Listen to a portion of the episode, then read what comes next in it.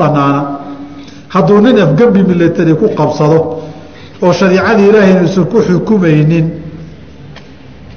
ma la aeecayaa maya. Afgembi baa tiriya haddii la doorto oosan sharci ilaahay ku xukumaynin maadaama yaquudukum bikitaabillaahi weeye wax taaca ah dadka kuma laha. Nimaan sharci ilaahay ku xukumayninna muslimnimadiisaaba war ka jira.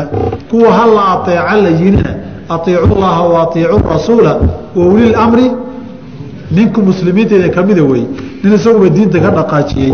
Maxaaba laga aeeci neef neef kale waxyeeleeyey ama dad wax gaadhsiiyey see la yeeli. Tani waa masalo qadahe neef neef dilay. De waxba laguma la aakhara ilaahay lishaati ljalxaai min ashaati lqarnaai looga qisaasi. Bidaliil nabigu cala salaam inuu tilmaamay waalcajmaau jurxuhaa jubaarun waxay geysataay waahadu midda neefka dadka waxyeelay haddaynan caadi ahaan jirinna waxba laguma laha. Neefku hadduu isagu bahal ahaa oo bahal uu neef wax dil lagu yaqiinay uu ahaa sida awr dallays oo kaleeto oo uu kasugu soo daayey taqsiirkaas isagu uu ka gaabiyey inuu ilaaliyo baa loo raacan karaa. Laakiin neefku wuxuu sameeyey kale geysta ama haraatiyo. Walcajmaau jurxuha jubaaruntii nabiga ala slam yiri wey haddii muranka diintu bato ma la mubaahaloon karaa ma la habaartami karaa goorma la mubaahaloon shuruudda mubaahaladiisa maxay tahay? Walo mabxadkan mabxad dheer oo tafaasiil u baahan uu yahay labada qof hadday xaq iyo baail isku hayaan. Masaladay isku hayaanna masalo weyn tahay. In mararka qaarkood mubaahalo la iska galo qur'aankana waa sheegay hadiga aimada salafka iyo muslimiintuna marar badan waa soo ahaan jiray. Intaad yaqiin ku kalsoon tahay un baad ku geli kartaaye. Masale iska ijtihaadihi iyo masale raajix iyo marjuux xamili karta iyo maaha masaailka lagu gala masaailka qaciyaadka iyo yaqiinta. In nusuustu ku caddahay baa lagu galaa salaan kadib hooyaday oo dhimatay qur'aan ma u aqrin karaa? Maxaase la iiga baahan yahay oo sharuudo ah. Hooyadaa qur'aan ma u aqri'i karaa. Masale muran ka jooga weeye inaad wax tartuun haddaad rabto sadaqa ijaariya iyo waqaf iyo duca badanood u ducaysa u samee kuwaasaa la hubaa inay gaari oon muran lahayne laakiin qur'aanku inuu gaaraya muran baa ka taagane. Haddaad waxu taraysa meel muran ka taagan yahay inuu gaariye in kale maxaabad xoole iyo waqti ugu dhumin wax la hubaaba badane. Wuxuu yihi assalaamu calaykum waraxmat ullaahi sheekh haddii aan qof haddii qof uu ii dirsado fiisa inaan u soo dhammeeyo aniguna aan dallaal ku leeyahay maxay diintu ka qabtaa de waa tion haddii aan soo sheego mukhaliskii weeye haddii meeshaa fiisada u qaadashadii iyo u soo dhammayntii iyo camal xalaal iyo aaditaankeedii iyo dantu ay tahayna de waa khidmad qof uu qabto wax ku qaadan karo? Haddii kalena oyna meesha aaditaankeedu wa sharcan ahaan banaanayna tacaawun cala ismi lcudwaani weeye. Qofkii jecel guusha gaalada kuna farxo jabka muslimiinta diintu waxay ka qabtaa waan ku soo bilaabaan u malayn su'aashaas. Aan way sogayn ama dibbuu ka soo qoray fartuisuma eke. Wuxuu yihi assalaamu calaykum. Salaan kadib intaad ka warqabto maanta adduunka ma ka ma ku og tahay dowlad islaamiya oo shareecada islaamka ku wada dhaqanto gaar ahaan xuduudda shareecada oo dowladaha gaalada nacab gaalada nacayb weyn u hayaan iyo jihaad inuu jiro rumaysan. Xuduudda shariicadoo dhan ma ku dhaqmaan anugu hadda boqolkiiba boqol ma ku dhaqmaan qolo la yidhaahdo inta aan garanayo ma garanayo. Laakiin qolyo xuduudda fuliya waa jiraanoo kolbanu sacuudiga waxaan garanayaa iyadoo xuduud badan la fuliyo. Anuguna de dabagal kuma samayn inuu xuduud kastoo sharciga la fuliyaa ma dhihin laakiin dil iyo jaadal iyo rajmi iyo gacangoyn iyo in badan waan ka qayb galay goobo lagu fulinaya anaa ka qayb galay qaarkood aan la igaba xigin kuwii qoorta iyo gacanta la jaraya qof bini igama xigin askarta iyo xariggii ku wareegsanaa maahane. Oo marka la soo lahaa qoorta la jaraya aan daawanayey si qisaasta loo fulinayo way jiraan. Xuduud badanna waa la fuliyaa laakiin intay sawiraan banaanka uma soo saaraano xeran iyo waxbaa xidhayaan u malaynayaa cabsina way qabaan. Qofkii qof dembi ka galay oo ay ku adag tahay in uu u sheego isaga oo ka baqay inay arintaas dhibaato weyn ka dhalato. Muxuu samaynayaa? Qofkay dhibaatadaad u geysatay horta ilahay istikfaar baad u weydiin. In badanna cirdigiisa waa difaaci barkiiba maraysaa cirdigiisana waa difaaci si latifan haddaad u hesho fursadna waad ugu sheegi. Munkar ka weyn dhalise. Laguma laha say culimmada qaybo ka mida yidhaahdeen haddii uu qof ka qaato qof kale lacag isagoo oo aanan ogeyn kadibna uu u soo celiyo ama qaab kale uu ku siiyo sidaa hadiyad ahaan isagoo niyadiisu tahay dayntii bixi ma ka ansaxaysaa? Haddii intuu ka qaaday u soo celiyo way ansaxaysaa. Laakiin hadduu hadiyad ahaan u siiya xoolihiisii kugu leh tan hadiyaddu manfacadeeda iyo abaalkeeday leedahay xoolihiisiina wuu kugu leeyahay qaadashadaa dembi maama bannaan tahay waxay ku xihan tahay xiriirka qofka iyo isku hadlaynta waxay yidhahdaan maa yadunnu ridaa saaxibii hadduusan dhib u arkayni aad u arkaysi haddiise aad ogtahay inuusan raalli ka ahayn tuugo iyo khiyaamo weeye. Haddii sidaa lagugu ogaadana waxaa laga yaabaa in xuduud lagugu fuliyo. Sheekhdabaashi way badatae barintanaan boorsiina wax kale igu soo wari iyo barkii wey mogta assalaamu calaykum. Salaan kadib su'aal jabhadda o nlf ee ka dagaalanta dhulka soomaali soomaalida ogaadeeniya dad baa waxay dhahaan jihaad ma aha ee waa dhul u dagaalan ama xukun u dagaalan.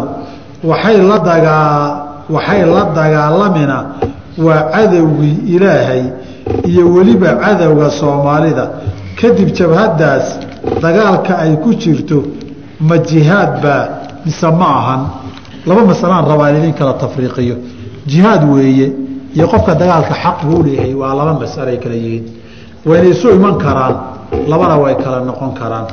Jihaadku waa ninka u dagaalamay litakuuna kalimatullaahi hiy alculyaa diin inay sala marta ninka u dagaalamay weeye. Ninka gurigiisa lagu weeraray isdifaacay dagaalka xaq buu leeyahay laakiin jihaad ma aha waayo naftiisuu difaacanaye kelimatullahi hiy alculyaa ma aha. Xaq ma u leeyahay ha.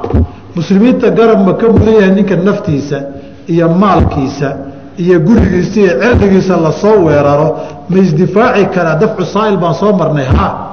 Muslimiinta xaq ma u leeyahay garab inay siiyaan ha.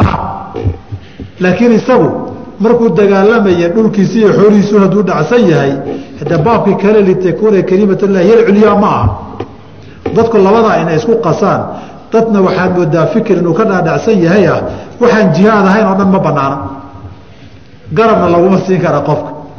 Iyo wixii bannaan ee dagaal oo xaq uu leeyahay qofku oo dhan waa jihaad labadaa masale laba mafhuum oo khataa wey.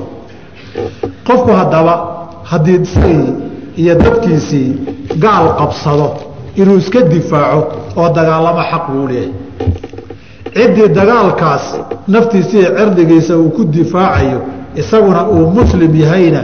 De dadka muslimiinta inay garab ku siiyaan bay xaq u leeyihiin. Hadda haddaan idhaahno reer falastiin ha loo gargaaro. Yuhuudda ha iska kiciyaan. Inay u dagaalamaan oo yuhuud iska kiciyaan xaq bay u leeyihiin. Guryahoodii iyo dhulkoodii iyo cirdigoodii bay qabsatay. Muslimiintuna garab inay ku siiyaan bay xaq u leeyihiin dagaalkaa jihaad miyaa markaan idhaahno waxaan leenahay litakuuna kelimatullahi hiy alculyaa ma yahay mise maaha halkaasaan istaagaynaa marka de olf hadday u dagaalamayso diin inay dabaqdo litakuuna kelimatullahi hiy alculyaa hadday u dagaalamaysana waa jihaad. Hadday wadankeedii xorayso oo gaaladan isdhaafiyo idinka laftiinu dastuur isaga dhaqma u dagaalamaysana de waa gobonimo doon gobonimo doon wey hadday saas tahayna marka de ninka su'aashii weydiiyey baan isaga intaa wixii ka dambeeya isagaan ku celin.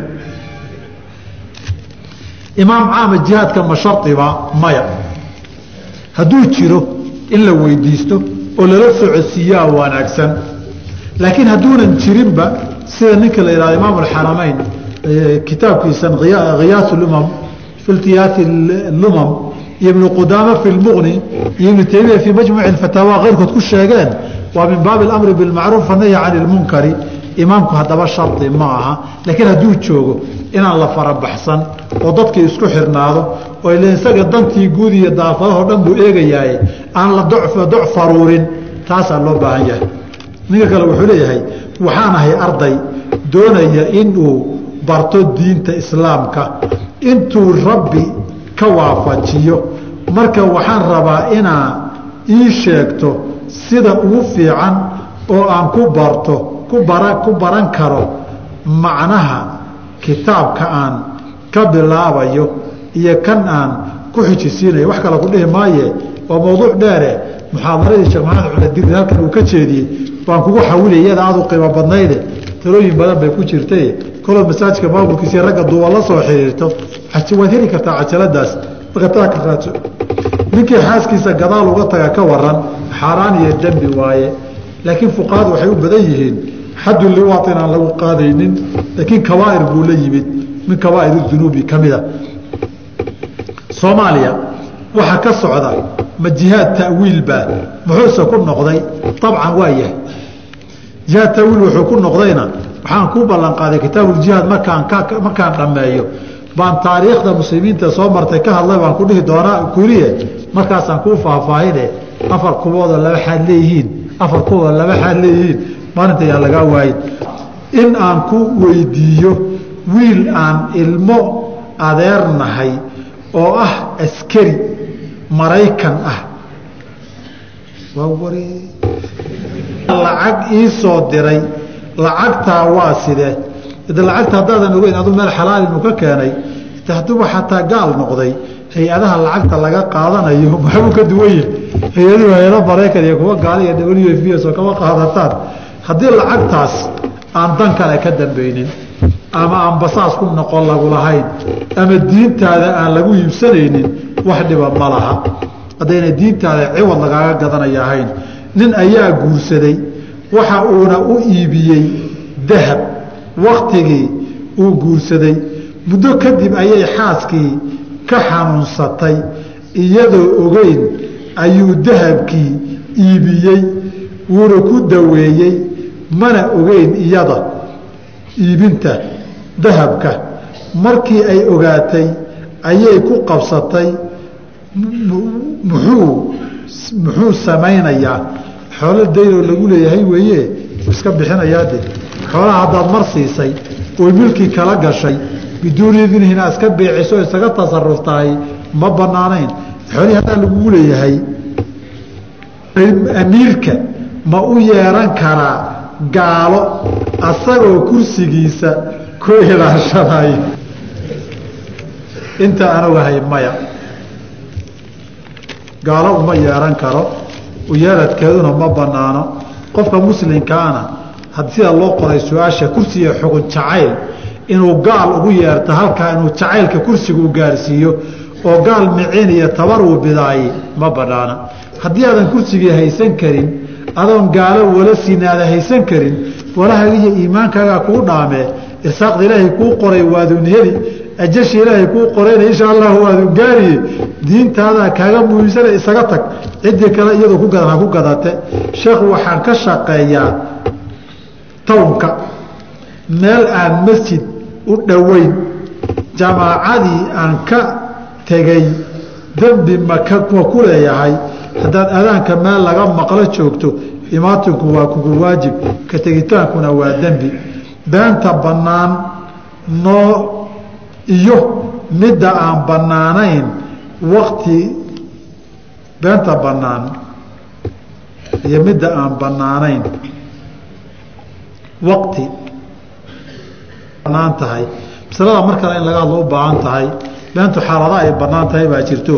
Labada isqabo oo xoogay jacayl jacayl iyo been isu sheegaya iyo nin dad heshiisiinayo hebel uu ku ammaanayo u kala qaadi iyo ninay daruuro iyo maslaxo ka weyn gasha iyo waxyaabaha ay ku bannaan tahay baa jiro. Markeeda laga hadli doona ama riyaadu saalixiinka masaladaa meel uu kaga hadlay xaaladaha ku soo ururiyey baa jira ama nawowi kitaabul adkaarkana meel uu kaga hadlay baa jira iyagana fiiri. Sheekh maxaa u dhaxeeya takfiir?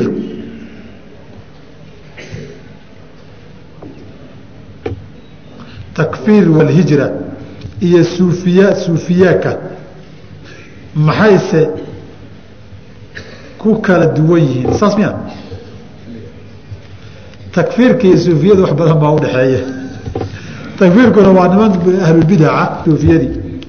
Fi hadihi munaasaba marba waxaan ka hadli doonaa suufiyat somaal bayna ashirki waatawxiid suufiyada soomaalida mushrikiinta iyo muwaxidiinta kay u dhow yihiin.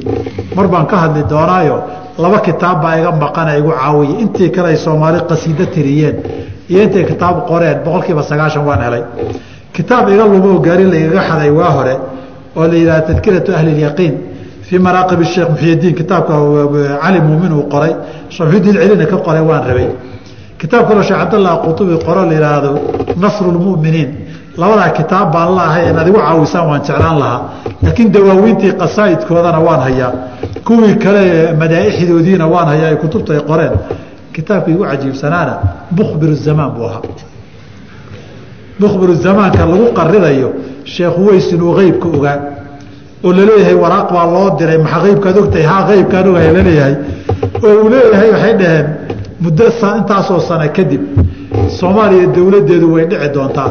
Qabiil qabiil baa markii kun iyo sagaashan iyo kowda la gaara la isu doonaa. Uu sheekhu siiri ay ku qoran tahayoo halkaasay ka dhici doontaa ree hebel baa ree hebel caydhintooda kitaabku waa hayaa isagoo qalin ku qoranoo farguriga ku qoranoo koobiyaan hayaa mukhbiru zamaan baa la yihahdaa marka.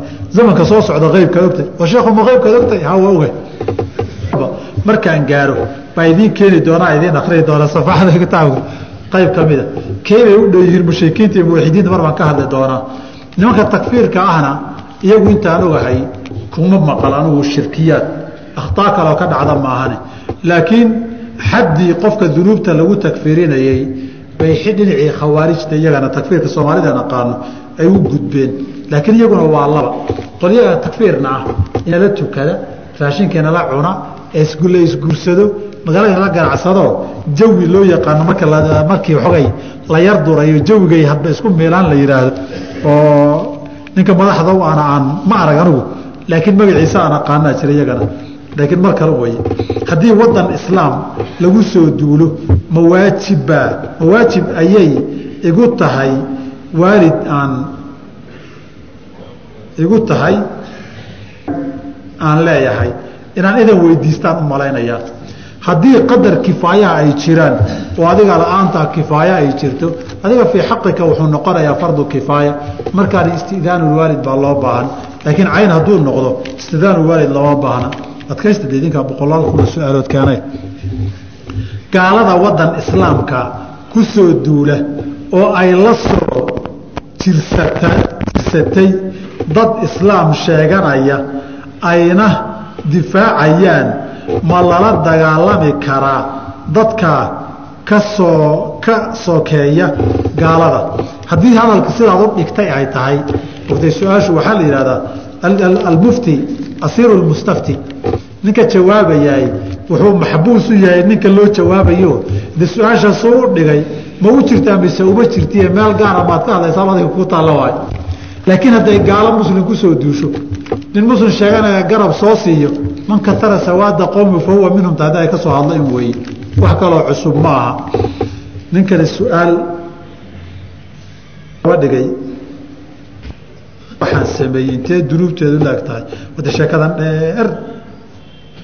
Su'aasha ugu dambaysa hadday tahay iska yar dulqaata sheekh waaan waxaan sheekh rabaa inaan qisadan igu dhacday wax ka ogaado waxayna tahay sidan. Maalin bil ramadaan sideed iyo toban ay tahay ayaan waxaan aaday xaafad aan gabar kala sheekaysan jiray. Kadib wax yar dabadeed ayaanu aniga iyo gabadhii isku kharibanay dabadeed waxaa isugu kaaya yimid dadkii guriga kula noolaa gabadha ee ehelkeeda ahaa. Waa mushkilad labaad. Ay waan cararay. Waxaa hawshii ogaaday gabadha aabbaheed.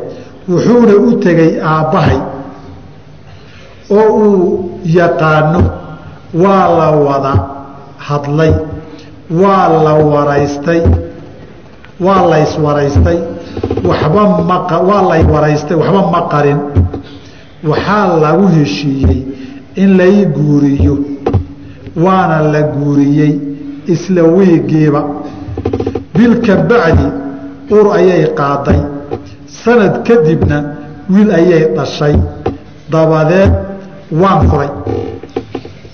Wiilka xalaal iyo xaaraan wixii lama kala yaqaanade. Su'aal kow bil ramadaan waxaan sameeyey intee dunuubteedu la eg tahay?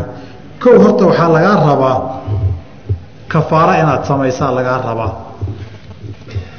Addoon ma xorayn ma hayno. Laba bilood oo xiriirto oo soona lagaa doonaya maalintaa darteed waa kow. Towbadiyo dembi dhaafkana waa lagaa rabaa meel hadee boqol jaabuug iyo sanad masaafurisa aan kugu filino xaddu zina ma joogno. Ilaahay dembi dhaaf inaad weydiisataa lagaa doonayaa iyadana. Maalintiina wasum yowma makaanahu hadday riwaayada abu daawuuda saxdana waad soo qadayn saasayna jamaahiiru ahlilcilmi qabaan. Taa waa midda koobaad maxaa kafaare layga rabaa iyo towbadba waan sheegay.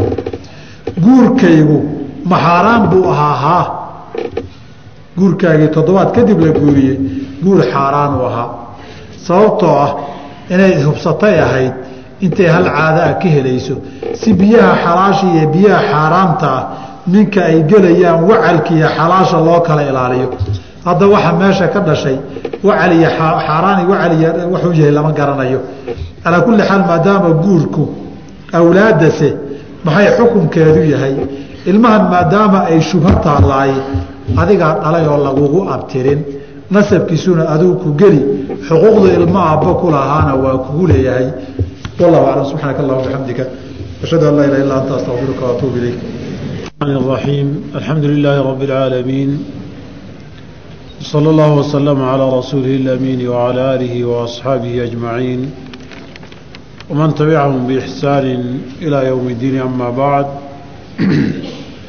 weli waxaynu ku jirnaa kitaabu ljihaad fasalkii ugu horeeyey waxaanan soo gaarnay halka mualifku yihi raximah اllahu tacaala waman aslama qabla اlasri axraza maalahu wa damahu wa sigaara awlaadih maadaama masaladii ka horreysay uu kaga soo hadlay maxaabiista gaalada ee dagaalka lagu qabto inay afar khiyaar ku bannaan yihiin ragga qaangaarka ah yaa waxaa laga soo reebayaa waman aslama qofkii islaama. Qabla alasri inta aan la qaban ee uusan maxaabiisni maxaabiis noqonin axraza wuxuu badbaadiyaa maalahu maalkiisii wuu badbaadiyaa wa damahu dhiiggiisuu badbaadiyaa wa sigaara awlaadihi caruurtiisa wixii yaryar ee aan qaan gaarinna way la badbaadaan oo xukumkiisii isagay qaataan. Halkan mualifku wuxuu rabaa inuu yidhahdo raximahu llahu sida fuqahadeennuba ay yidhaahdeen. Daahirka nusuustana ay tustay iyo dhaqankii nabigeena calayhi salaatu wasalaam dadka maxaabiis noqon kara arrimihii addoonsiga iyo in la iska sii daayay in wax lagu furtayo in la dilaay khiyaarka loo leeyahay oo qof aan muslin ahayn. Qofka xilliga islaamkiisu waa laba xilli buu noqon karaa. Inta aan la qaban haddii uu islaamo iyo markii la qabta kadib haddii uu islaamo.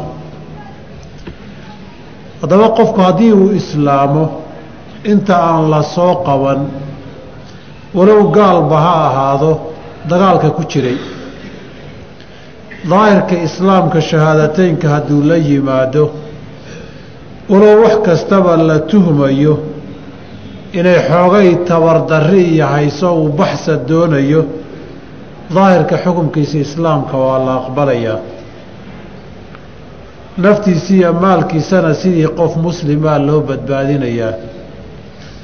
Tanna waxay yidhahdaan culimmadu laba arrimoodba waa u daliishadaanoo waa u cuskadaan cumuumkii xadiidkii jihaadka ka hadlay ee xadiidka ibni cumar radia allahu tacaala canhuma wa ardaahumaa nabigeena sala allahu calayh waalihi wasalama uu lahaa umirtu an uqaatila annaasa xataa yashhaduu an laa ilaaha ila allah wa annii rasuulu اllaahi wa yuqiimu asalaata wa zakaa dadka waxaa lay faray inaan la jihaadoon la dagaalamo ilaa shahaadateynka ay qiraan salaadana tukadaan sakadana bixiyaan fa idaa facaluu daalika saa haddii ay sameeyaan oy shahaadateynkii qiraan dawaahirtii axkaamtii islaamka ee ka tegitaankooda loo dileeyeyna aynan ka tegin casamuu minii dimaa'ahum wa amwaalahum dhiiggoodiiyo maalkoodaba waa iga badbaadiyeen oo taabashadiisiiyo u dhowaanshihiisu iima bannaana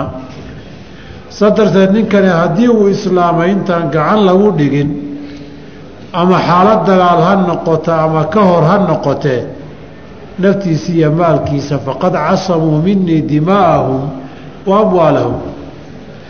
Ta labaadna waxay u daliishadeen oo tilmaamaysa inayna waxba saamayn ku lahayn arrintaas. Tuhun laga qabo qofka islaamnimada inay daacad ka tahay iyo dan kale inuu leeyahay. Waxba qofkii gaalkaha inuu islaamkiisa la aqbalo sida daahirka ah waxba ka hor istaagi mayso. Taana laba xadiid oo saxaaxa ku taalla bay culimmadu u daliishadaan oo midi waa qisadii usaamata bni zayd. Dagaal baa la galay nin muslimiinta aada u laayo aada u gacan kululaa baa wuxuu arkay isagoo gacan ku jiru is arkay.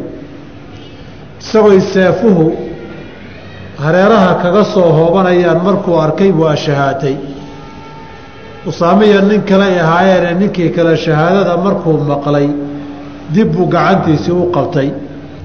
Usaamana seeftii hore uu sii wadoo ninkii waa dilay. Usaamo haddaba waxyaabihii istusayeen waxay ahaayeen markii nabigu u yimid calayhi salaatu wasalaam ee nabigu yidhi ma isagoo ashahaatay baa dishay. Wuxuu yidhi rasuulka ilaahay ow innamaa qaalahaa mutacawidan waxaa u lahay anagan shahaadada daacadka ma ahayne inuu ku badbaado unbuu rabay oo meel khatar u galay. Marna wuxuu yidhi rasuulka ilaahayow ninkani itiqaa'a asayfi seeftun buu ka cabsanayay daacadka ma ahayn. Nabigu calayhi salaatu wasalaam cudurdaarkaas usaamata bni zaydin u muuqday ma aqbalin. Wuxuu yidhi hallaa shaqaqta can qalbihi qalbigiisa maxaad u jeexi weydeed u ogaan weyday inay been ka tahay oona daacad ka ahayn. Halkaa wuxuu kuu tilmaamayaa xadiidkaasi usaame inuu gaaray nabigu markuu ku celceliyey kayfa tasnacu bilaa ilaaha ila allahu yowma alqiyaama?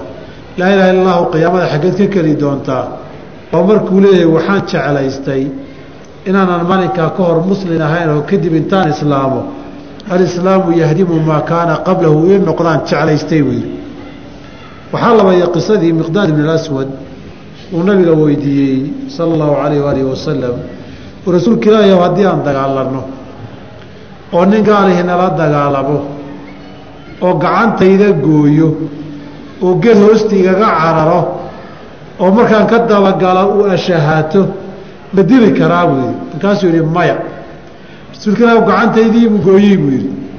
Wuxuu yidhi ma dili kartid mar hadduu shahaadadii qiray. Haddii aada dishana dee waa laguu dili.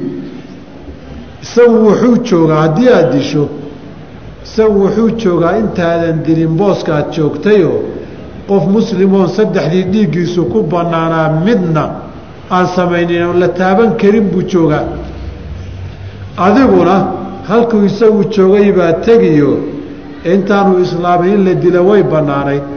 Hadda nin muslimaa dishayoo in lagu dilo lagu qisaasa way bannaan tahay. Labadaa ninba waad qiyaasi kartaa nin dagaal ku jiro oo dad laayay oy dadkii caydhsanayaan oo laga taagiyay talrooraaday iyo nin hareeraha laga maray oo seefuhu ku soo hoobteen. Aleelaha innagu waa isdhihi karnaa waana u ekaan kartaa sidaa usaamo u arkayey. Ninkane baxsad buu rabay. Laakiin maadaama qulubtaan la ogaan karin baa shariicadeennu waxay xirtay hebel qalbigiisa waxaasaa ku jira in lagu xukumo baa albaabadeeda la xiray. Labadaba waxay tilmaamayaan ninna. Cumuumkiibuu soo galay faqad casamuu minii dimaa'ahum kan kalena wuxuu tilmaamayaa ninkii dagaalba ha ku jiray hadduu ashahaato inaan dilkiisii bannaanayn. Saas darteed mar hadduu islaamo waman aslama ninkii islaama qabla alasri inta aan la maxaabiisinen la qabaninen la qafaalan axraza maalahu maalkiisii waa badbaadiyaa wa damahu dhiiggiisa labada waa badbaadinayaa wa sigaara awlaadihi caruurtiisa yaryarna waa badbaadinayaa sababtoo carruurta yaryarkiihi aabbahood bay la xukum yihiin iyo waalidkood gaar ahaan fii baabi aljihaadi waalqitaali marka la joogo. Walidaalika nabigu calayhi salaatu wasalaam markii la weydiiyey ahlulbeytka min alkufaari yubayatuuna habeennimo la weerarayo oo haweenkaiyo caruurtii ku dhammaanayaan. Caruurtaa ka waran markii la yihi wuxuu yihi hum min aabaa'ihim aabbahoodun raaci isku xukum sii. Ilmuhuna sida faqrada dambe ku iman doonta asalku diin ahaan waalidkiibuu raacsan yahay. Fa abawaahu yuhawidaanihi aw yunasiraanihi aw yumajisaanihi ilmo walba qalbi nadiifa iyo u diyaarsani iimaan baa lagu dhalaa. Labadii dhashay unbaa diintay haystaan ka dhiga. Hadday yuhuud yihiin yuhuud buu la noqdaa. Hadday kiristan yihiin kiristan buu la noqdaa. Haddii ay yihiin dabcaabudna dabcaabud buu la noqdaa. Dabcan hadday muslim yihiinna labadiisii waalid xukmulmuslim buu qaadanayaa. Saa darteed buu yidhi wa sigaara awlaadihi. Caruurta inta yaryari waalidkood bay la xukum yihiin. Wayuxkamu waa la xukumayaa lisabiyi ilmaha yar. Bilislaami islaam baa loo xukumayaa cinda wujuudi alaaثati asbaabin saddex sababood mid kamida marka la helo ilmihii muslim baa loo xukumayaa masaladan maadaama uu yidhi wa sigaara awlaadihi masaladii carruurta yararkii iyo diyaanadooda buu waxoogay halkaa ku daray. Si mas'alada uu u caddeeyo caruurtiisa yaryari inay isaga la xukum noqonayaan. Waxaana uu yidhi saddex mid ka mid a haddii la helo ilmaha yarkaa muslim baa loo xukumayaa ilaa isagu intuu weynaado islaamnimadii ka tagoo diin kala doorto. Midda koobaadi an yuslima inuu islaamo. Axadu abaweyhi labadii dhashay midkood inay islaamaan. Inay ama hooyadii muslim noqoto ama aabbihii uu muslim noqdo ama ahaa. Hooyadii dee muslim ma ahaan karto ilmahan yarkaa isagoo aabbiyo hooye leh aabbuhuna uu gaal ahaa hooyadu muslim ma ahaan karto oo muslim gaal ma guursan karto. Laakiin ama aabbihii baa gaaloobay ama iyadaa dib ka soo islaatay markay dhashay kadib.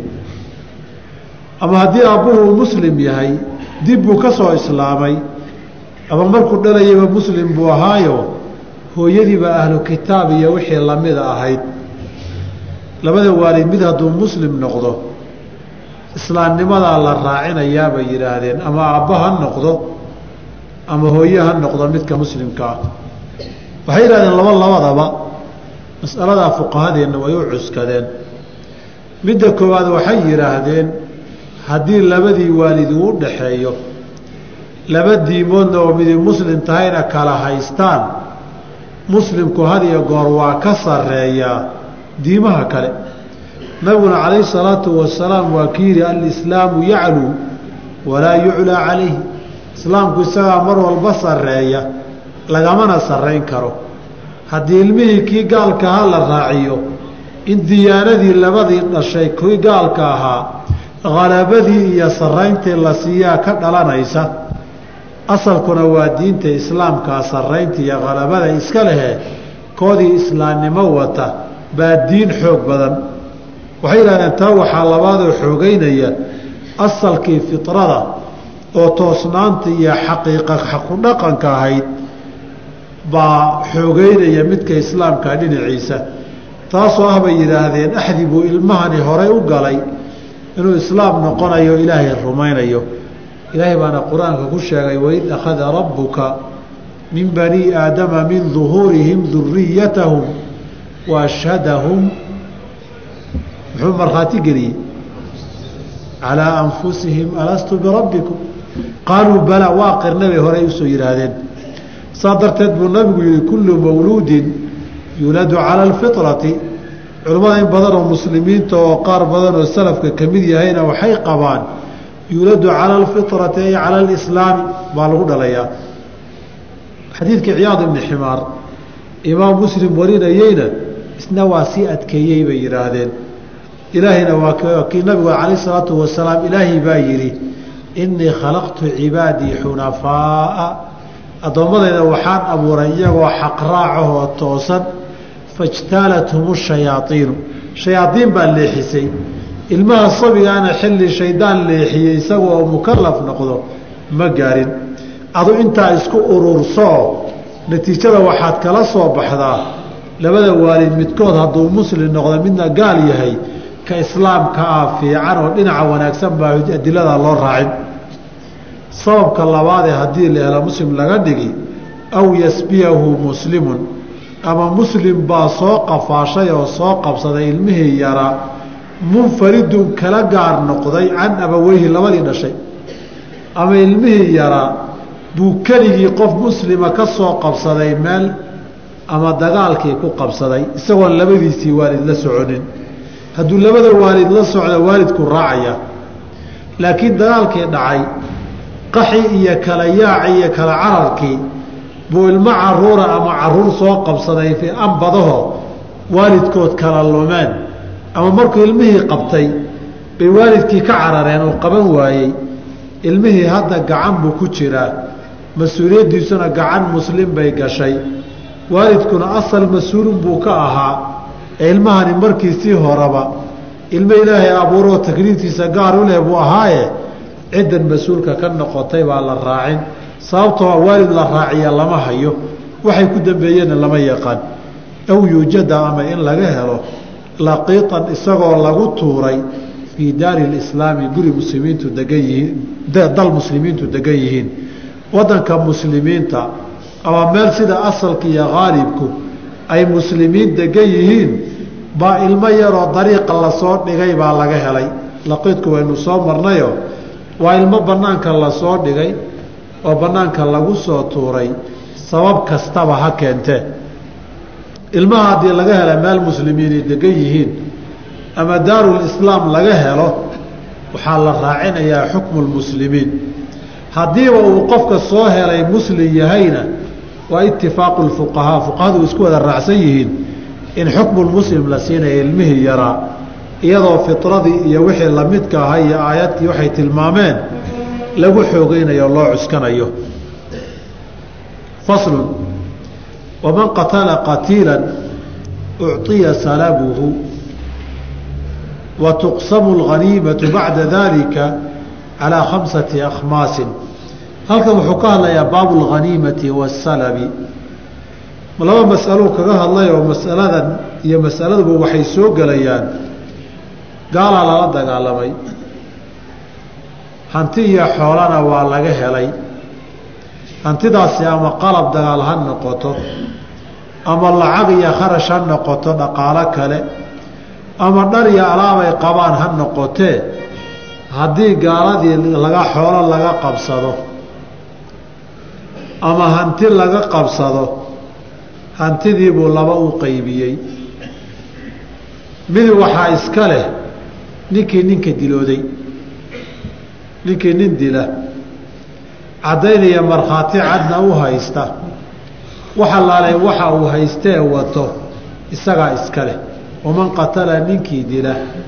Qatiilan miduu isagu dilay oo gaal ahaa ucطiya waxaa la siinayaa salabuhu waxa laalay wixii uu ka furtay baa la siinayaa ama dhar ha noqdo ama qalab kale ha noqdo ama lacag ha noqoto. Laakiin waa caddaynaya markhaati inaad u hayso. Sida nabigu yihi man qatala qatiila lahu calayhi bayinatun. Markhaatiya caddayn u haysta falahu salamu. Sidaasuuna nabigu xukumi jiray calayhi salaatu wasalaam. Oo xilligii nabigeena calayhi salaatu wasalaam sidaa unbaa salabkaas iyo ninku ninkuu dilo ogeysiiska iyo iclaamka u bixiyey. Walidaalika waa kii abujahal maalinkii labada wiil dileen ee dadka uga hoos baxay isagoo dad waaweyn iyo duqey iska eegaya. Unbay laba wiiloo yaryari hoosta ka galeen. Labadii wiil baa isku qabsaday. Duqan anaa furanayo waxaa laalay wuxuu leeyahay waxa wuxuu watay iska lehiyo iyo maya aniga waa kay nabigu isula yimaadeen calayhi salaatu wasalaam. Labadiina seefood itusa buu yidhi. Labadii seefood markuu arkay wuxuu yihi kilaakumaa qatalahu. Horta labadiinuba waad isugu tagteen oo waa goobateen ninka. Inaad disheenna dhiigga seefihiinna waa ka muuqataa. Laakiin mid bay ka sii muuqataa ninka nabarka halista a lahaa seeftiisu inay ahayd bay ka muuqataayoo ninkiibu wuxuu lahaa siiyey. Wuxuu ihi ninkaasaa iska leh laakiin labadiinaba waa wada disheenoo adna waad u kaalmaysay. Nabiguna ogeystiis caam uu bixiyeyo man qatala qatiilan lahu calayhi bayinatun falahu salabuhu halkan mas'ala baa waktigan zamankan aan joogno baa waxay keentay ishkaal. Fuqahada zamankeenna aaraadooda iyo aragtidoodu ay ku kala duwanaatay. Waag hore waxay ahaan jiray dagaalku. Ninku isagaa qalabkiisa dagaalka keensan jiray gaadiidku ku dagaalamana isagaa lahaan jiray. Rasaastu uu tuurayana isagaa lahaa. Sahayduu cunayee watana isagaa iska lahaa. Hadday duruuftii isbedeshay oo ninka qoriga loo gado oo rasaasta loo geliyo oo gaadiidkii loo keeno oo buraashada loo dhaamiyo iyo biyaha oo raashinkii iyo badarkuu cunayay la siiyo oo la yidhaahda adiga sii jeediyo oo rid annagana wixii dabada laga gelinayay baad naga taqaanaa ee rasaasaha iyo waxaad qaadan lahayd baa annagaad naga taqaanaa tan iyo labiskaagii iyo biilkaagii annagaa qabna haddii la yidhaahdo. Mas'aladaasi weli ninkii wixalaalay wuxuu furtami isagaa yeelanaya. Masaladaasaa waxoogaa in la isku qabqabtay. Laakiin waxaan rabaa inaan idiin tilmaamo masalada markii xaqiiqadeeda la yidhaahdo masale cusub maaha. Oo xilligii cumar radi allahu canhu laga soo bilaabo ciidamo dowladdu ciidamay lahaan jirtay iyadu ay biisho oo ahlu dawaawiin baa la dhihi jiray dawaawiin diiwaan gashan bay lahaayeen. Dadka guryahooda joogaa wax la siin jiray xilligii khilaafadii cumar radi allahu canhu qaybaheedii dambe ee xoolihiiyo maalku batay ciidanka furinta joogay iska daaye. Waxay sidaas tahay waxay uun ahaan jirtay man qatala qatiilan lahu calayhi bayinatun falahu salabu waxaase intaa dheer hadday maamulka ciidankiiyo arkaan mararka qaarkood waxa ninkan uu ninkan uu dilay ka qaadayaay inay ku habboon tahay hanti guud inuu noqdo. Oo isagoo wixii laga wada qaadin waxyaabaha qaarkood laga soo reebaay iyana sharcanka asal bay leedahay oo way bannaan tahay.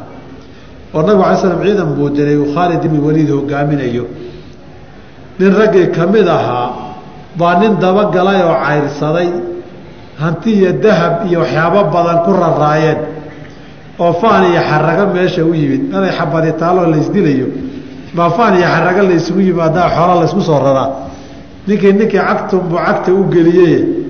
Suu raadbaraad ugu daba taagnaa uu dhulka dhigay. Markii uu dhulka dhigay ee khaalid loo keenay wuxuu war waxaan oo dhan ma wada qaadan kartide intaasaan kaa qaadayaa ninkiiba iyo khaalid way isku dhaceen. Hadalla aan habboonayn buu ku yidhi. Warkii nabiguu soo gaaray calayhi salaatu wasalaam madiinala la yskula soo noqday. Khaalid buu yeedhoo waraystay. Ninkiina wuu soo istaago wuxuu yihi ninkan xoolahaygii wuxuu kaga qaatae ha layga siiyo. Maadaama ninkii siyaabo anshaxxuma uu dhaqmay maamulkii uu nabigu magacaabayna calayhi salaatu wasalaam haba soo dacwoodee asluubtii iyo kala dambayntii uu sii waayey waxaa la khaalida waxba hau celinin. Wariaa iridda ka bax. Iridda ka bax baa la yidhi. Halkaa culimmadu waxay yidhaahdeen waxaa laga qaadanayaa guud ahaan in raggii dagaalka ku jiray nin anshaxumo u dhaqmay lagu ciqaabi karo in wixii uu heli lahaa ee fiicnaa laga qaado si dishibiliinka iyo asluubta loo baro. Waxaa labaadoo xadiidka qisada ay ka qaateen fuqahadeenna qaybo ka mid ah in wixii haddii ay waxyaabaha qaarkood maamulkii ula muuqdaan inaynan sidaas wada ahayn in laga qaadi karo. Masaladaas salabka keliyana maba ahee haniimadoo dhan weeyay yidhaahdeen markaasay fuqahadaasi waxaa kaloo sii cuskadeen. Qisadii khaybar iyo safiyata binti xuyey bay sii cuskadeen markii tii ragga qaarkii la siiyey ragga qaarkiina ka hinaaseen ee la yidhaahda gabadhaasee nin loo siin karaa buuqiyo qayladii iyo nuxnuxdu bilaabatay. Nabigu arrintaas uu u soo afjaray isagu uu wareegayo. Wa kaanat safiyatu min asafiyi la yidhaahdo. Saamigu gaarka xulashada nabigu lahaabuu ku daray. Saan dadka qaarkiiba la ysugu mindiya taagtaagin oo la ysugu dabagelgelin albaabka fitanka in la soo afjaro waman qatala ninkii dila qatiilan mid la dilay aciya waxaa la siinayaa salabuhu wax allaalay wuxuu ka furtay ee sitay baa la siinayaa asalku sidaas cumuumka inay ku baaqi ahaata weeye fii jamiici alasmaani xaaladaha sidaa looga soo reebay ee daliilkaa la cuskiyey maahane wa tuqsamu lhaniimatu haniimadii guud iyo xoolihii cid gaara ayna u yeelanina waa la soo uruurinayaa haniimadaa marka la soo uruuriyo waa la qaybinayaa. Haniimadu sideedabana waa cuntada xalaasha ee min aayibaati ilaahay uu ku magacaabay bay ka mid tahay. Xoolo gaar xarbi a laga qabsaday. Cunto la cuno waxyaabaha ugu xalaalsan ee ugu nadiifsan bay ka mid tahay. Oo calooshaada waxun la huba nadiif iyo xalaal inuu yahay hadduu gelaya waxaa ka mid a haniimo gaal xarbi ah kala hartay baa ka mid a. Nabiguna calayhi salaatu wasalaam waa kii xadiidkii aan filaya xadiid abi hureyra inuu ahaa ee saxiixa ku yiilay. Markuu lahaa ucطiitu khamsan lam yucطahuna axadu qablii min alambiyaai axadu min alambiyaai qablii shan baa la igu gaar yeelay ambiyadii igu horreysay aan la siinay waxaa ka mid ahaa wa uxillat liya alghanaa'imu khasaa'istiisay ka mid ahayd markuu ambiyada kale la dheeraa in haniimada ilaahay u xalaaleeyey xadiid kale oo cabdullahi bni cumar laga wariyeyna waa kii nabigu xadiid dheer buu ahaaye waxaa ka mid ahaa wajucila risqii taxta dilli rumxi wajucila dullu waasagaaru calaa man khaalafa amri. Aniga risiqaygaba ilaahay wuxuu geliyey taxta dilli rumxi warankayga waxaa gaal kaga soo rito maba risiqiga nololi ah risiqaygaba ilaahay halkaasuu geliyey. oo waxaa ka fiican ood cuni lahayd. meesha ilaahay nebi maxamed risiqa u geliyey sal alla alay wasalam meel ka fiican xaggeed ka heli barooti la dubay. baa ka fiican risiqa nabi maxamed meesha la geliyey. wa jucila risqii taxta dilli rubxi. hadda farankayga waxaan xoog gaal kaga dhacsado baa ilaahay xoolo iga dhigay wey. xoolaha haniimadu haddaba mubaaxaadka khasaaistaa lehee min aayibaati kamida weeye. Hadday haniima sharciya tahayoo gaal xarbi ah laga soo qaatay. See loo qaybinayaa haniimadii marka. Ilaahay baa sheegayo wa tuqsamu lghaniimatu buri isagoo aayaddii soo gaabiyey. Haniimadii waa la qaybiyaa. Bacda daalika intaa kadib calaa khamsati akhmaasin shan qaybood baa laga dhigaa shan qori baa laga dhigayaa khamiisyadii fa yucطaa arbacatu akhmaasihaa shan meelood afartii waxaa la siinayaa liman shahida dadkii joogay alwaqcata goobta dagaalka joogay baa la siinayaa. Iyagii baa loo qaybinayaa halka soo harayna dad gaar ilaahay u magacaabay baa la siin. Asal waxaa aayaddii juska tobnaad uu ka bilaabanayay suuratu اlanfaal waclamuu ana maa hanimtum min shayin faana lilaahi khumusahu walirasuuli walidi lqurbaa walyataama wاlmasaakiini wabni sabiil shan meelood meel halkaa ha lagu bixiyaa la yidhi afarta soo hartayna waxaa la siinayaa dadkii ciidanka joogay ciidanka nimaan joogin oon dagaalka ka qaybgelin asalku wax kuma laha haniimada laakiin qiyaadadiiyo iyo aimada waxaa u bannaan cidaystana sifaad iyo tilmaamo gaara ku xuleen ama duruuf gaara ay u eegeen inay haniimo markaa dhacday wax ka siiyaan waa bannaan tahay. Waxaana loo daliishadaa qisadii khaybar dadaan dagaalka joogin oo dadkii yaman ka yimid ee safiinadii ashcariyiinta iyo abi hurayriya ay ka midka ahaayeen uuna jacfar ibn abi aalib iyo uu haniimadii wax ka siiyey waxay yidhaahdeen abu hurayriya waxay leeyihiin annaga safiinadayadii iyo doontii halkaa ka timid ardulxabasha ka timid buu haniimadii wax ka siiyey. Cid aan dagaalka gelin oo annaga aan ahaynna wax lagama siin. Qolada keliya ee raggii dagaalka galay aan ahayn ee haniimadaa wax ka heshay qoladaasoo duruuf gaara nabigu u qadariyey bay salaatu wasalaam marka qiyaasan calaa daalika ciddii duruuf gaara oon ahwaa iyo kala jeclaysi ahayn loo qadariyo wax waa laga siin karaa. Laakiin waa ijtihaad qiyaadada iyo imaamka iyo cidda mas'uulka u taalla weeye. Fa yucطaa waxaa la siinayaa arbacatu akhmaasiha shantii qaybood afartood liman shahida alwaqcata dagaalka dadka joogay baa la siinayaa. Asalka curfiguna sidaasuu ahaa. Waxaa laakiin saamigaa shanaad ee soo haray inbaa meelo la siin. Waxaad ku garanaysaa maalinkii hawaasin haniimada badan laga helay ee dad mu'alafatu lquluub ahoo aqrac ibni xaabis iyo ay ka mid ahaayeen nabigu xoolaha badan uu siiyey. Nimankii reer ansaareed ahaa waxay tabeen waxay aqoon jireen. Xoolihii baa la siinayaabay dhaheen wa suyuufunaa taqturu min dimaa'ihim. Iyadoo seeftayadii dhiiggoodii ka tifqayo. Waxay cabirayaan dadka seeftoodu dhiigga ka tifqay ee dagaalka galay baa xoolahan lahaan jiray. Nimankaana saamigii yaraaye mu'alafatu lquluub baa wax laga siiyey. Ayib dadkii goobta joogay see loogu qaybinayaa.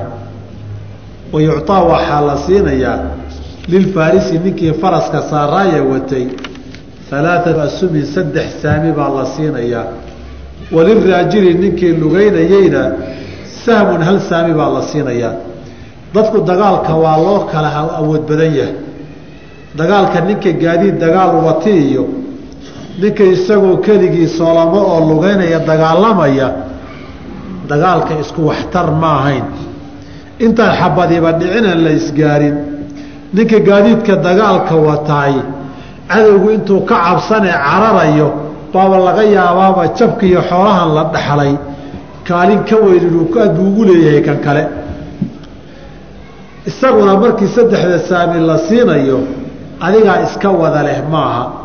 Isagu hal saami buu shaksi ahaan leeyahay. Labana gaadiidkii dagaalkaa iska leh oo fardaha xilliga ahaa. Insha allahu farduhuna siduu nabigu sheegay bay noqonayaanoo alkhayru macquudun fii nawaasiha alkhayru alajru walmaqnamu buu nabigu alay slat slaam fardaha foodooda ilaahay baa khayr ku tay ajir iyo haniimu aakhiru zamankana waxaan qalab la cayrinaya dawaahirta nusuusta ashraatu saaca waxay tilmaamayaan in fardihii dib la isugula soo noqon doono oo aakhirka waxaan kale intuu isdhex yaaco fardihii dib loogu soo noqon doono qisada nabigu markuu ka sheekaynayo dajaal soo daahiritaankiisii muslimiintii furanayey madiina labada magaalada furanayey nisfuhaa fi lbaxri wa nisfuhaa fi lbari marka loo soo sheego ina adajaala khalafakum fii ahlikum wa diyaarikum. Uu dabamaray markii la yihahda marka hore waa been. Nabigu wuxuu leeyahay waxay dilayaan dad farda wata oo alaaثuuna soddon ah waxaan garanayaa magacyadooda iyo magacyada aabbahood iyo qabiilkooda waanu khuyuulihim. Fardahay wataan xataa midabkoodaan idiin sheegi karaa nabigu waa goorma waa xilliga dajaal soo baxayo. Buu fardihii sahanka ahaa ee lagu dagaalamayey. Buu wuxuu tilmaamayaa midabadoodii nabigu calayh salaatu wasalaam. Waxay yidhaahdeen in aalaadka xadiidada ee zamankani aakhirka farda loo dambayn doono bay tilmaamaysa calaa kulli xaal aqwaal culimmadu badan ay leeyihiin. Ashraatu saaca yuusuf alwaabil xadiidkaa markuu ka hadlayo baad halkaas ka heli kartaa aqwaasha qaarkood uu soo guuriyey. Walo wakti hore ay ugu dambeyso laga yaabaa daakiradu inayn aada u wada xasuusan. Inuu gaadiidku laba saami leeyahay qofka saaranna hal saami leeyahayna nabigaa xukumay calayhi salaatu wasalaamoo rasuulku wuxuu siin jiray lilfarasi sahmayni wa lisaaxibihi sahman faraska laba saami baa la siin jiray ninka saaranna hal saami taas waxay manfaco leedahay markuu saa nabigu u qaybinayey calayhi salaatu wasalaam zamankan ay anfici ninka gaadiidku wala isagu aan lahayn oo maamulkiiyo dowladdu ay leedahay ama dadka ummadda ay isaga soo abaabulay ay leeyihiin haniimadii laba saamine gaadiidku meeshuu maruun bay mari oo ciddii gaadiidku uu xarooday milkiyadeeda lahayd baa yeelan. Isagana wuu saaraaye halkiisa saami buu qaadan. Saa darteed gaadiid dagaal oo dowladda iyo ururadu leeyihiin haddaad ku dagaal gasho wixii gaadiidku haniimo yeesha dowladda iyo ururada iska leh. Adigana wali saaxibii sahman saamigaaga qaado. Ninkii lugeynaya baad markaa la mid tahayoo qof ahaan hal saami baad leedahay gaadiidkuna labuu leeyahay. Walaa yushamu saami lama siiyo ilaa liman istakmalat fiihi. Qofka ay ku dhammaystirantay maahane khamsu sharaa'ia shan shardi laga helay. Shanta shardi isku soo ururiyo waxaan dhihi karnaa an yakuuna min ahli اljihaadi dadkii jihaadku ku waajibi jiray waa inuu yahay. Qofkaan jihaad ku waajibi jirin ilaa fii xaalati daruura maahane haddii uu dagaalka yimaado saami ma leh laakiin sabirsiin buu leeyahay waa la sabirsiin laakiin wax saami gaaray xaquma laha. Walidaalika marna waxay ku leeyihiin saami ma laha man lam yakun min ahli اljihaadi ku dhihi. Marna fuqahadu waxay ku dhihi waxaa radkiiyo sabirsiinta iska leh kullu man lam yalzamhu ljihaadu ilaa fii xaalati daruura shantan shardi haddaba ka dhexeeg. Alislaamu islaam baa shardi ah hadday muslimiinta soo raacaan dadaan muslim ahayn oy dagaalkii la galaan ma ku leeyihiin. Saamiga haniimada wax ma ku yeelan maya. Laakiin waxoogay waa la iska sabirsiin karaa haddii waxyaaba looga maarmi waayo. Waalbuluuqu inuu qaangaar yahay. Ilmaaan qaangaar ahayn dagaalkii hadduu soo raaco ka qayb galaay isna wax ma leeyahay maya. Isna waxba la siin maayo. Waxbaa la iska siin laakiin saami ma leh sidii raggii kale u qayb qaadan maayo. Waalcaqlu inuu miyir qabo qabo caqli leeyahay. Haddii majnuunkii wax ka dagaalamo ama goobta dagaalka yimaado isagana saami ma leh. Waalxoriyatu inuu xor yahay. Addoonkiisoo ma aha isna saami ma leh. Laakiin waa la sabirsiin waadhukuuriyatu inuu labood yahoo rag yahay dumarkii dagaal hadday galaan iyana saami ma leh. Wuxuu yidhi fain ikhtalla hadduu dhinmo. Shartun hal sharti oo min daalika shantaa ka mida rudika lahu waa la sabirsiinayaa oo waxoogay waa la yar gacan marinayaa. Walam yusam lahu saami lama siinayo wax saami gaara looma ogola. Arrintaa waxaa la yidhi labana daliil baa loo helay nas ah inta kalena waa looga qiyaastay. Amaa haweenka waxa uu imaamu muslim wariyey min xadiidi bni cabaasin radia allahu canhuma wa ardaahuma inuu leeyahay nabigu sala allahu alay wasalam kaana yaqzuu binnisaai. Haweenkuu la dagaalka raaci jiray fa yudaawiina aljarxa. Dadka dhaawacay daweyn jireen wa min alghaniimati haniimadana waxbaa looga garan jiray oo laga sawirsiin jiray fa amaa bisahmin falam yadrib lahunna saami in la siiyose nabigu ma yeelin sala allahu alayh ali wasalam saami ma siinin waana sabirsiiyo waxbaa looga laacay wa kuwa haweenkii nabigaaba saa yeelay sal alla alah wasalam amaa addoommadana isna xadiid abu daawuud wariyoo saxiixaa jira nin la yidhahda cumayr mawla aabi laxmi aabi laxmi oo addoon ahaa baa dadkii saadadiisii ahaa maalintii khaybar dagaalka u raacay. Dagaalkii markii la furtay baa khaniimadii hala qaybiye la yidhi wuxuu yihi qoladii saadadayda ahayd baa nabiga u tegey. Nabigayna wax ii weydiiyeen. Waxayna u sheegeen annii mamluukun anigu inaan addoon ahay bay u sheegeen. Fa amara lii bishayin min kharfihi lmataaci. Wuxuu ii faray oo yidhi siiya wax alaabta yaryarkee aan macno weyn lahayna buu yidhi siiya. Waayo waxa la siiya waa wax sayidkiisii la siiyey. Isagiiyo waxaa la siiyaba sayidkiisa isla leh sow maaha marka intaasna kaana waxaa laga gartay addoonkii. Haweenkii iyo addoommadii maxaa jamcin kara labadooda fii baabi iljihaadi oo saami loo sii waayey? Min ahli ljihaadi ma aha dheh. Fa yuqaasu calayhimaa gayruhuma inta kalena qiyaas saxiixa ku raaci bay yidhaahdeenoo min ahli ljihaadi bayna iyagana ahayn calaa kulli xaal halkaas iyagana la mar oo saasaa loo deliishaday. Wayuqsamu lkhumusu khumuskii waa la qaybiyaa calaa khamsati asumin afar meelood shan meelood afar dadkii la siin lahaa waad soo martay oo khaniimada marka u horeysa salabkaa laga saaray ninkii nin dilay caddaynna u hayaa horta wixiisa la bixi waa xoolo gaareen inta la ysku wada lahaabaa shan loo qaybin. Afar dadkiibaa sidaa loogu qaybin. Waxna waa laga reebi dadka aan saamiga lahayn laga sabirsiiyo maxaa soo haray? Halkii qaybtii shanaad baa soo hartay. Wayuqsamu lkhumusu waa la qaybin calaa khamsati ashumin. Shan saami baa loo qaybin.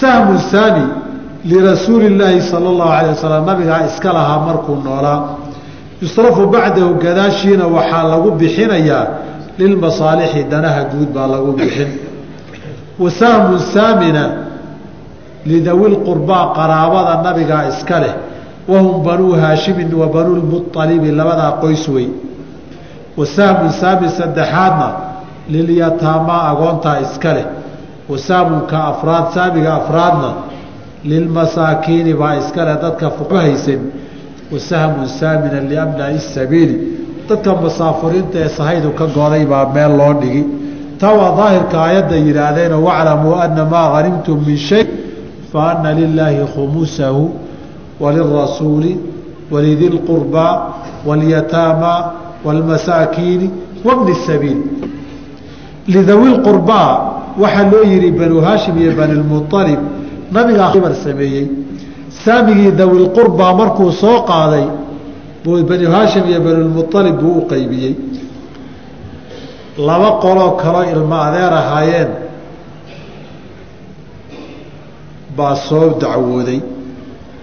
Waxay rasuulka ilaahayow reer bani haashim waan garanay oo inkiri mayno adaa ka dhashay. Waana haashim waa haashim bni cabdimanaaf wey laakiin reer bani lmualib mualib ibni cabdimanaaf